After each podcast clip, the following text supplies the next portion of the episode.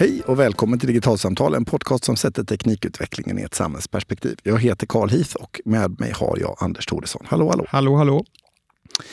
Idag tänkte vi prata om eh, molntjänster, internet of things-prylar, dataläckage och grejer. Och det hela tar sin utgångspunkt i en eh, nyhet som eh, dök upp eh, för en, eh, inte så länge sedan och eh, det faktum att du har ett fitnessarmband, Anders, med en app på. Ja, eh, det är appen Strava som vi ska prata om, eh, som är en eh, träningscommunity, får man väl kalla det för egentligen, som samlar in data från antingen telefonens GPS eller från en eh, smart klocka eller ett, ett fitnessarmband. För att sporra en att träna mer eh, genom att man kan bland annat jämföra sig med andra Strava-användare och så vidare. De la nyligen upp i slutet på, på 2017 en heatmap som visar var Strava-användare springer och cyklar allra mest runt om i världen. Uh, helt enkelt. Så man kan se liksom så populära springsträckor och sånt där? Precis, i en, i en, på en, i en kartvy som då med ljus starkare färg visar att här är det många som springer och ljusare färg, där är det inte riktigt lika många som, som springer. Men man kan liksom inte se att det är Anders som har sprungit där? Nej, inte rakt upp och ner på den här kartan, men vi kommer komma tillbaka till det. Att det finns exempel på hur man kan faktiskt avanonymisera eh, den här datan som från Stravas håll var tänkt att vara helt anonym. För att vad de gjorde då, och det som har blivit rabalder om i, i internationell media, det var att de la upp den här kartan, eh, världskartan som visar var, är, var i världen är det populärt att springa och cykla någonstans. Och utifrån den här informationen då så visade det sig att det gick att bland annat att hitta eh, amerikanska och andra länders eh, militärbaser runt om i världen. Platser som borde vara hemliga, men som... Ah, för att militärer springer, gillar att ha träningsarmband och så springer de runt på en hemlig militäranläggning någonstans i världen och så helt plötsligt så syns den ja, liksom, men precis. på kartan. Och, och, Det här blir då ett sätt att både att hitta var de här eh, anläggningarna finns, därför att i, i flera länder, bland annat i Afghanistan, så är inte Strava en app som många använder, utan där var det verkligen så på de kartbilderna som jag har sett, att där lyste de här militärbaserna upp som ljusa fläckar på kartan. Men också eh, har jag sett resonemang som, som handlar om att man inte bara kan se var de här militärbaserna finns, utan också lite grann om layouten på dem inne eh, på militärbasen, för man kan se då hur man springer in, inne på militärbasen. Så det blir möjligt att liksom se så att här springer de i en fyrkant och det är rimligt att tro att här är det ett hus och så? Ja, men lite så. Uh, och, och det här uh, blev ju då ett uppmärksammat utifrån ett, ett säkerhetsperspektiv, utifrån liksom en, en militär operations eh, säkerhet. För normalt sett så är ju militärer generellt eh, liksom har ett högt säkerhetstänk. Man är medveten om eh, att man kan bli avlyssnad och övervakad och så vidare. Men i det här fallet så har man helt enkelt inte tänkt att GPS-datan i ens eh, aktivitetsarmband helt plötsligt skulle kunna vara en informationsmängd som andra nationalstater kan ha ett intresse av. Nej men precis, och jag, jag tror snarare att det kan vara så här att, att vi, det här avsnittet, vi börjar från det personliga och sen går vi upp mot mer, mer generella aspekter utav det som Strava faktiskt bli, eller Strava-exemplet visar på här. Och det, det, det första som jag tror händer här, det är att precis som du säger, det här är personer som normalt sett borde vara medvetna om att vart de befinner sig är känslig information. Men väldigt mycket av den tekniken som vi använder, kanske framförallt i våra mobiltelefoner, har idag blivit helt transparent. Vi, vi använder någonting som vi håller i vår egen hand och reflekterar inte alltid över att det i själva verket är en, en, moln, en internetbaserad, en molntjänstbaserad app som vi använder. Instagram är, är ju ett exempel på det, Musical, eh, Snapchat, det finns ju jättemånga av de här kommunikationsapparna. Vi, vi tänker inte, tror jag, på all, alla gånger att det här inte är ett direktkommunikation mellan mig och mina vänner, utan allting skickas via internet och mellanlagras på, på servrar någonstans. Och antagligen är det väl, ja, gissningsvis rättare sagt, är, är väl det här vad, vad som ligger bakom det här dataläckaget som har skett då, att de här personerna, de här eh, militärerna som använder Strava har inte reflekterat över att de är givetvis medvetna om att här där jag befinner mig just nu, det här är, den här positionen är känslig. Men de reflekterar inte över att när jag tar min morgonrunda på cykeln eller, eller tar en löprunda runt basen så, och loggar den med Eh, strava för att kunna tävla mot mina kamrater och se vem som springer snabbast eller förbättrar sig bäst och så vidare. Att den här informationen hamnar hos, hos Strava. Så det, det, är ju liksom första eh, aspekten här. Då. Och sen så Strava i sin tur, de publicerar den här informationen på ett sätt som de eh, förväntar sig är anonymiserad och ha, ha, har givetvis inte tänkt igenom alla aspekter som finns av vad kan den här informationen säga om andra saker än hur folk motionerar.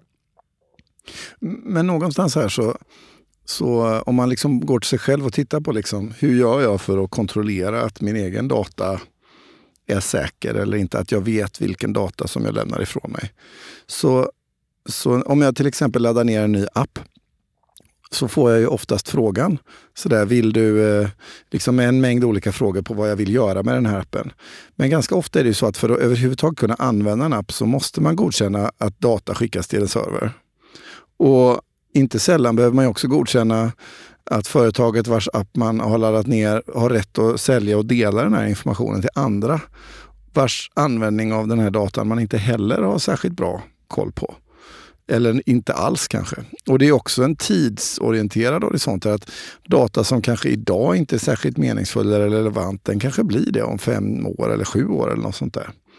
Så det här är ju lite grann av en av en kluring. Att någonting som, eh, alltså data som genereras av oss har vi som användare av teknik ofta väldigt svårt att kunna se och ha förståelse för. Även om företaget som tillhandahåller en tjänst ändå är rätt så tydliga. Mm. Jag, jag, skulle lägga till ytterligare en aspekt här och det är att forskning har ju visat att om man tittar på Facebook till exempel, att, att det är väldigt svårt att publicera bilder och statusuppdateringar på Facebook med integritetsinställningarna gjorda på ett sånt sätt så att bara de personerna som jag inbillar mig, förväntar mig ska se den här bilden faktiskt är de som får se dem. Och på, på Strava är det, det är inte riktigt lika många olika alternativ som finns att välja på som när man, när man sitter och labbar med integritetsinställningar på, på Facebook. Men det finns ändå en hel del olika inställningar som inte är helt uppenbart. Jag började själv, satt själv och funderade på det när jag började använda eh, appen för eh, två år sedan ungefär. Att jag var inte helt säker på vad alla de här alternativen och termerna egentligen betyder för någonting. Och Jag tror att det kan möjligen också vara en del utav det som har hänt här. Att de här personerna som, som har avslöjat då de här, den här informationen om eh, geogra, geodata kring de här militärbaserna kanske i själva verket är jättemedvetna om vilka konsekvenser det kan få och de är jättemedvetna om att det faktiskt är en molntjänst de använder, men de tror att de integritetsinställningarna som de har gjort förhindrar att information sprids på det här sättet. Och Det finns ytterligare en aspekt i det här och det är att i den här heatmappen då så så går det inte att se vilka Strava-användare som har sprungit var. Men, men där finns det säkerhetsexperter som, som har hittat sätt att ta sig runt det genom att man kan i Strava göra något som kallas för segment som innebär att man, man ritar ut en sträcka på en karta eh,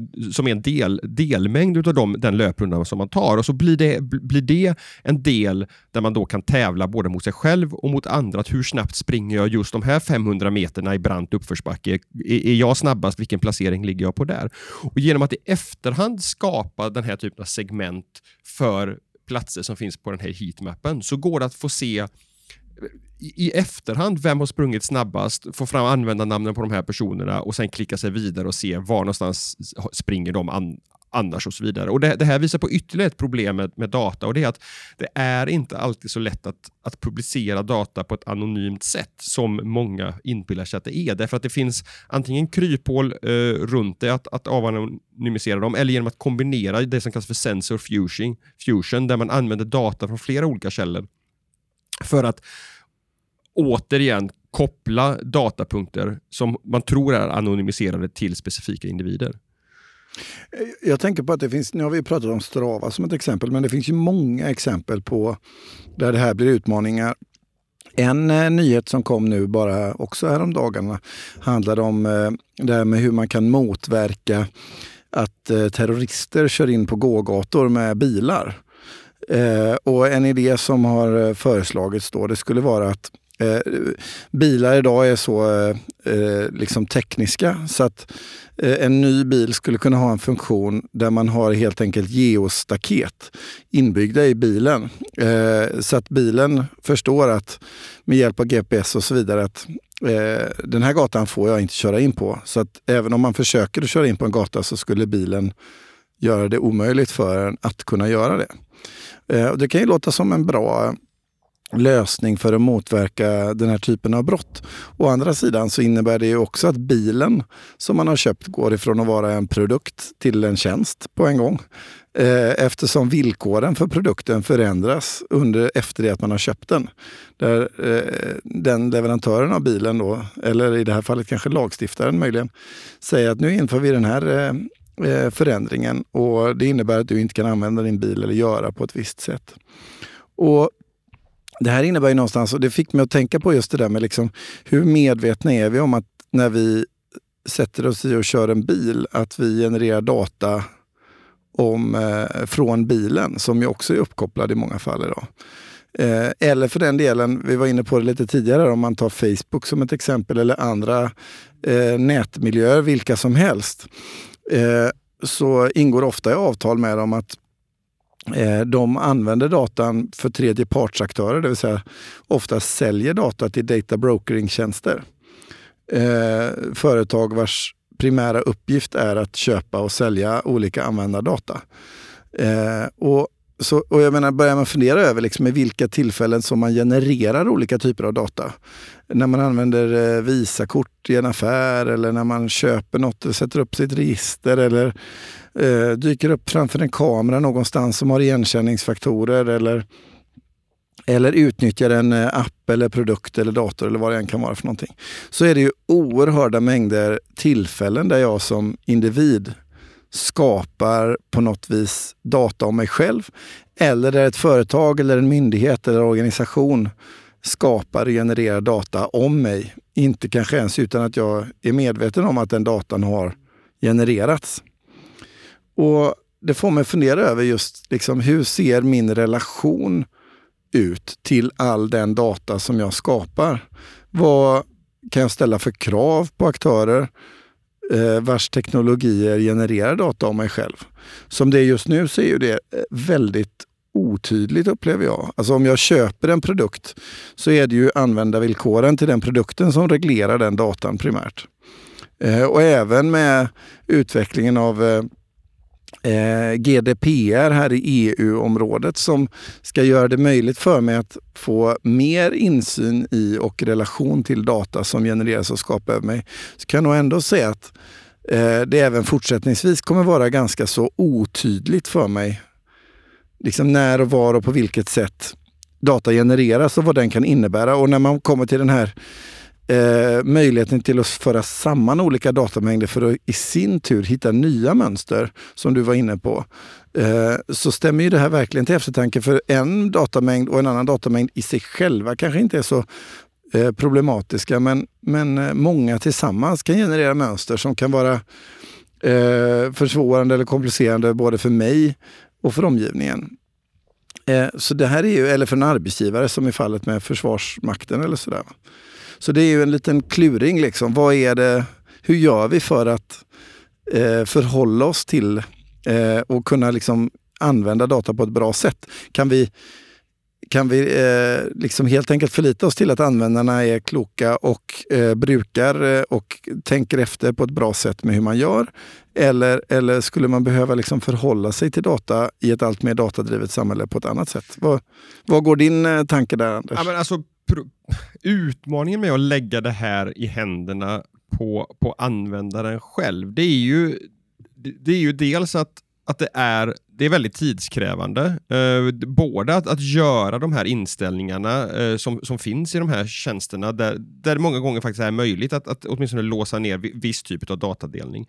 Men också därför att innan man gör det så, så krävs det ju också att man gör en ett, ett tankarbete där man funderar igenom på, men, när jag köper mina uppkopplade eh, glödlampor hem som gör det möjligt att jag kan styra dem från mobiltelefonen, innebär det då att de går via en server som står i USA? Så att varje gång jag tänder och släcker lamporna hemma så, så, så skickas information om det någonstans. Vad säger det om när jag kommer och går, när jag vaknar på morgonen, när jag går och lägger mig och så vidare. Och i, i nästa eh, läge då, vilket, vilket, det här är ju den aspekten som jag var inne på tidigt, att, att överhuvudtaget vara medveten om att molnet och internet är en, en del i den tjänsten, eller rättare sagt i den produkten som jag just nu använder. Men, men sen också väldigt, väldigt svårt att, att faktiskt ha en bild av Eh, Eh, vilka slutsatser går det att dra utav den här datan? Jag, jag, har gjort rätt mycket research kring det här för olika uppdragsgivare de senaste åren och läst mycket forskning om det här med sensor fusion och så vidare. Och jag blir lite fascinerad över vilka långtgående korrelationer som går att hitta hitta mellan data som man inte egentligen tror är möjliga att dra några slutsatser utav överhuvudtaget. En, en rapport som kom från Vita huset precis eh, innan Barack Obama lämnade som, som president handlade om om big, big data och, och, analysmöjligheter eh, och, och risker med det. Och Där varnar de för någonting som de kallar för weblining, vilket är en ordlek med det som kallas för redlining tidigare, vilket innebar att att amerikanska banker på bankkontor för ett antal decennier sedan så, så hängde det kartor där man hade dratt eh, röda linjer runt vilka kvarter eh, dit man aldrig lånade ut pengar och det här förbjöds. Men där man då från, från Vita huset varnar för att man istället för att ägna sig åt redlining så, så gör man weblining där man utifrån data som samlas in om användare på, på olika sätt och kanske på ganska diffusa grunder för en gemen, gemene, eh, eh gemene man. Eh, fattar ekonomiska beslut, gör kreditprövningar och så vidare. Och det är en amerikansk eh, tidigare, affärsman som tidigare var hög chef på, på Google som heter Douglas Merrill har, har, pratat om att all data is credit data och hur, hur hans företag idag använder tusentals signaler för att avgöra en persons kreditvärdighet. Um, så att de, de, de, den vägen är väldigt, väldigt svår att gå samtidigt som, som ja, jag vet inte. Jag tänker så här att om man ska brotta och bena lite grann i det va, så finns det ju liksom olika intressen i den datan som, som eh, genereras.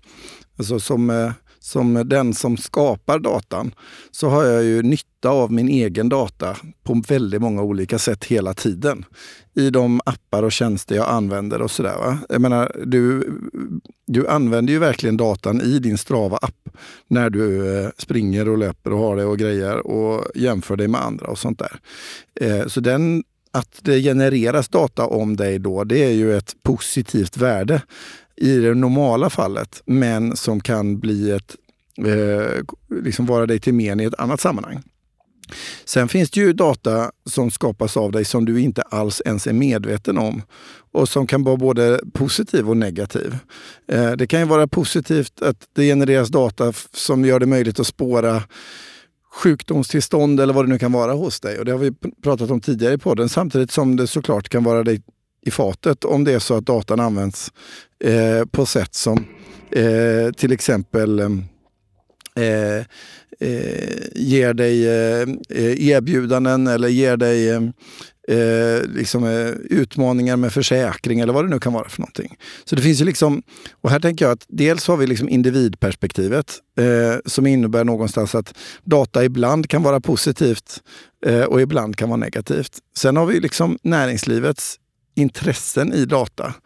Eh, I en tid av ett allt mer digitaliserat samhälle så blir ju värdet av data och dataprocesser större i takt med att det finns fler användnings och nyttoområden för den. Jag menar, I praktiken är det ju lite grann så att en uppsättning data som tidigare kanske inte var värd särskilt mycket, helt plötsligt är värd mycket av det skälet att det idag går att använda den på ett sätt som det för fem år sedan inte var möjligt att göra. Så det finns ju kommersiella intressen i den här datan där kanske just mina e- egna punkter inte är datapunkter inte är särskilt värdefulla men aggregerat i ett större sammanhang och med förmåga att använda det så blir det ett stort värde. Och Sen har vi liksom de statliga intressena i data. Vi har ju dels eh, behovet som vi var inne på med Strava att faktiskt kunna skydda processer och sammanhang ifrån dataläckage. Eh, alltså hur gör man idag för att liksom, eh, träna på ett bra sätt med sina militärer utan att vara, eh, hamna i en situation där man liksom riskerar säkerhet? Eh, det är ju helt plötsligt helt uppenbart inte självklart. Eh, och och, men samtidigt så är också data som vi tillhandahåller till staten någonting positivt i många sammanhang där du kan få stora medborgerliga tjänster som en konsekvens av den data du bidrar med. Eh, så någonstans så har ju data både för kommersiella aktörer, för mig som privatperson och för det offentliga kommit att få liksom en ny och annan roll. Eh, men hur förhållandet är i den här datan, vem som äger den och hur det ser ut är ju långt ifrån eh, kanske eh, en färdig diskussion. För än så länge så, men ta en sån sak som sjukvårdsdata till exempel. Fram tills idag har det varit fullständigt självklart att informationen i en journal eh, finns på sjukhuset och då ägs av det offentliga för att de har upprättat journalen och pappret finns i ett arkiv där och vad det nu kan vara. Men i en tid där du kan separera arkivets innehåll ifrån platsen där det är så skulle det vara fullt möjligt att ett arkiv upprättas, eller en journal upprättas av mig, men där jag äger datapunkterna i journalen och lånar ut dem till eh, sjukhuset och arkivet som förvarar dem på uppdrag av mig, till exempel. Eh, men där jag har rättigheterna till det i alla enskilda situationer. Det skulle vara en ordning som inte var möjlig innan eh, digitaliseringen, men som idag eh, faktiskt skulle liksom teoretiskt sett vara möjlig att implementera. Ja, och där går det att vända på det ett varv till skulle jag vilja säga. Därför att, eh, om, vi, om vi hänger kvar vid sjukvården som exempel ett tag så är det inte omöjligt att tänka sig att de på sikt skulle vara intresserade utav mycket av den datan som, som en enskild patient har genererat i sitt privatliv ett antal år tillbaka i tiden utifrån motionen, en, en smartklocka som jag har som mäter pulsen hela tiden, eh, vanor som går att koppla till, till andra saker, hur jag låser upp min dörr. Alltså jag vet vet inte. Men, men, men där, det, där det också kan vara så att den enskilda individen sitter på data som, som man faktiskt i olika sammanhang kommer vilja på ett enkelt och smidigt sätt dela med sig till andra därför att man inser att ja, men den datan som jag har kommer var, komma mig till stor nytta bara det fanns ett sätt för mig att dela den vidare. Så här kommer vi också in på, på saker som, som handlar om, om eh, standardisering och, och, och kopplingar mellan olika datasystem och, och, och så vidare. Så det, det, här, det är en otroligt komplex datamiljö vi pratar om. Nej men verkligen. Och Det man också kan fundera över i det här sammanhanget är ju liksom nyttjanderätt och ägarskap. Eh, alltså, eh, vi har ju haft en ganska så liksom eh, ett digitalt förhållningssätt till data. Att antingen så har jag det här pappret eller så har jag det inte. Antingen har jag den här uppsättningen information eller så har jag den inte. Men i, den här, eh, i, i, i det här sammanhanget så går det faktiskt att göra både och samtidigt. Det skulle vara möjligt eh, för staten att ha tillgång till en eh, individs uppsättning data men inte med självklarhet äga den till exempel.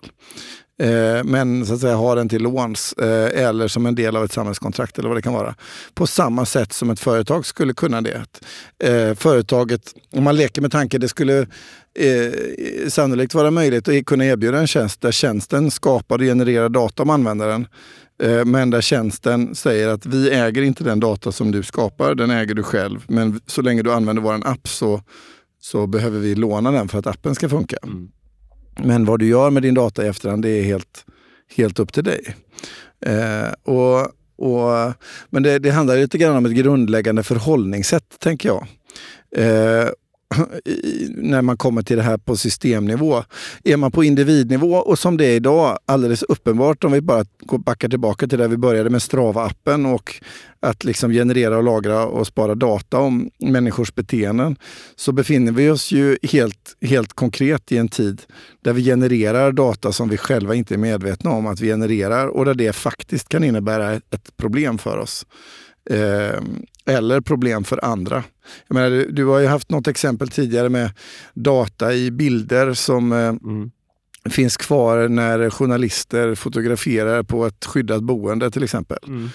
Eh, där har vi också ett sånt där exempel på att man liksom råkar skapa data om en situation som man själv inte är medveten om och som sen kan visa sig ha skadliga konsekvenser i efterhand. Eh, så, så hela liksom frågan om så att säga, hur vi på den allra mest grundläggande nivå förhåller oss till eh, vad data är, vem som äger det, var det finns och så vidare. Det är nog frågor som vi kommer så att säga, behöva brottas med och hitta nya former för att förhålla oss till på samhällsnivå, inte bara på, på individnivå. Jag, jag tror kanske framförallt att det, är, att det är på samhällsnivå som man behöver hitta för, för, just nu så känns det som att det är, är lite ad hoc. Det, det, det, det, blir som det blir. Uh, men men jag, jag kan ta, känna ett behov av ett, ett ordentligt omtag från, liksom, från beslutsfattarhåll kring hur ska man tänka kring de här kring de här sakerna. För att jag, jag har återkommit till, till det många gånger på sistone. Den här otroligt svåra balansgången som råder just nu mellan den personliga integriteten å ena sidan och nyttan utav, som kommer från dataanalys, både för den enskilda individen men också på, ett, på samhällsnivå med, med effektiviseringsmöjligheter, tidigare diagnosmöjligheter, bättre behandlingsmöjligheter och så vidare. Det, det är ingen enkel nöt att knäcka för att hamna rätt där. Nej, det är det verkligen inte. Och det är svårt då, alltså det, det, går inte riktigt att ta en position i något läge och säga så här, nej, vi ska förbjuda att dela all data.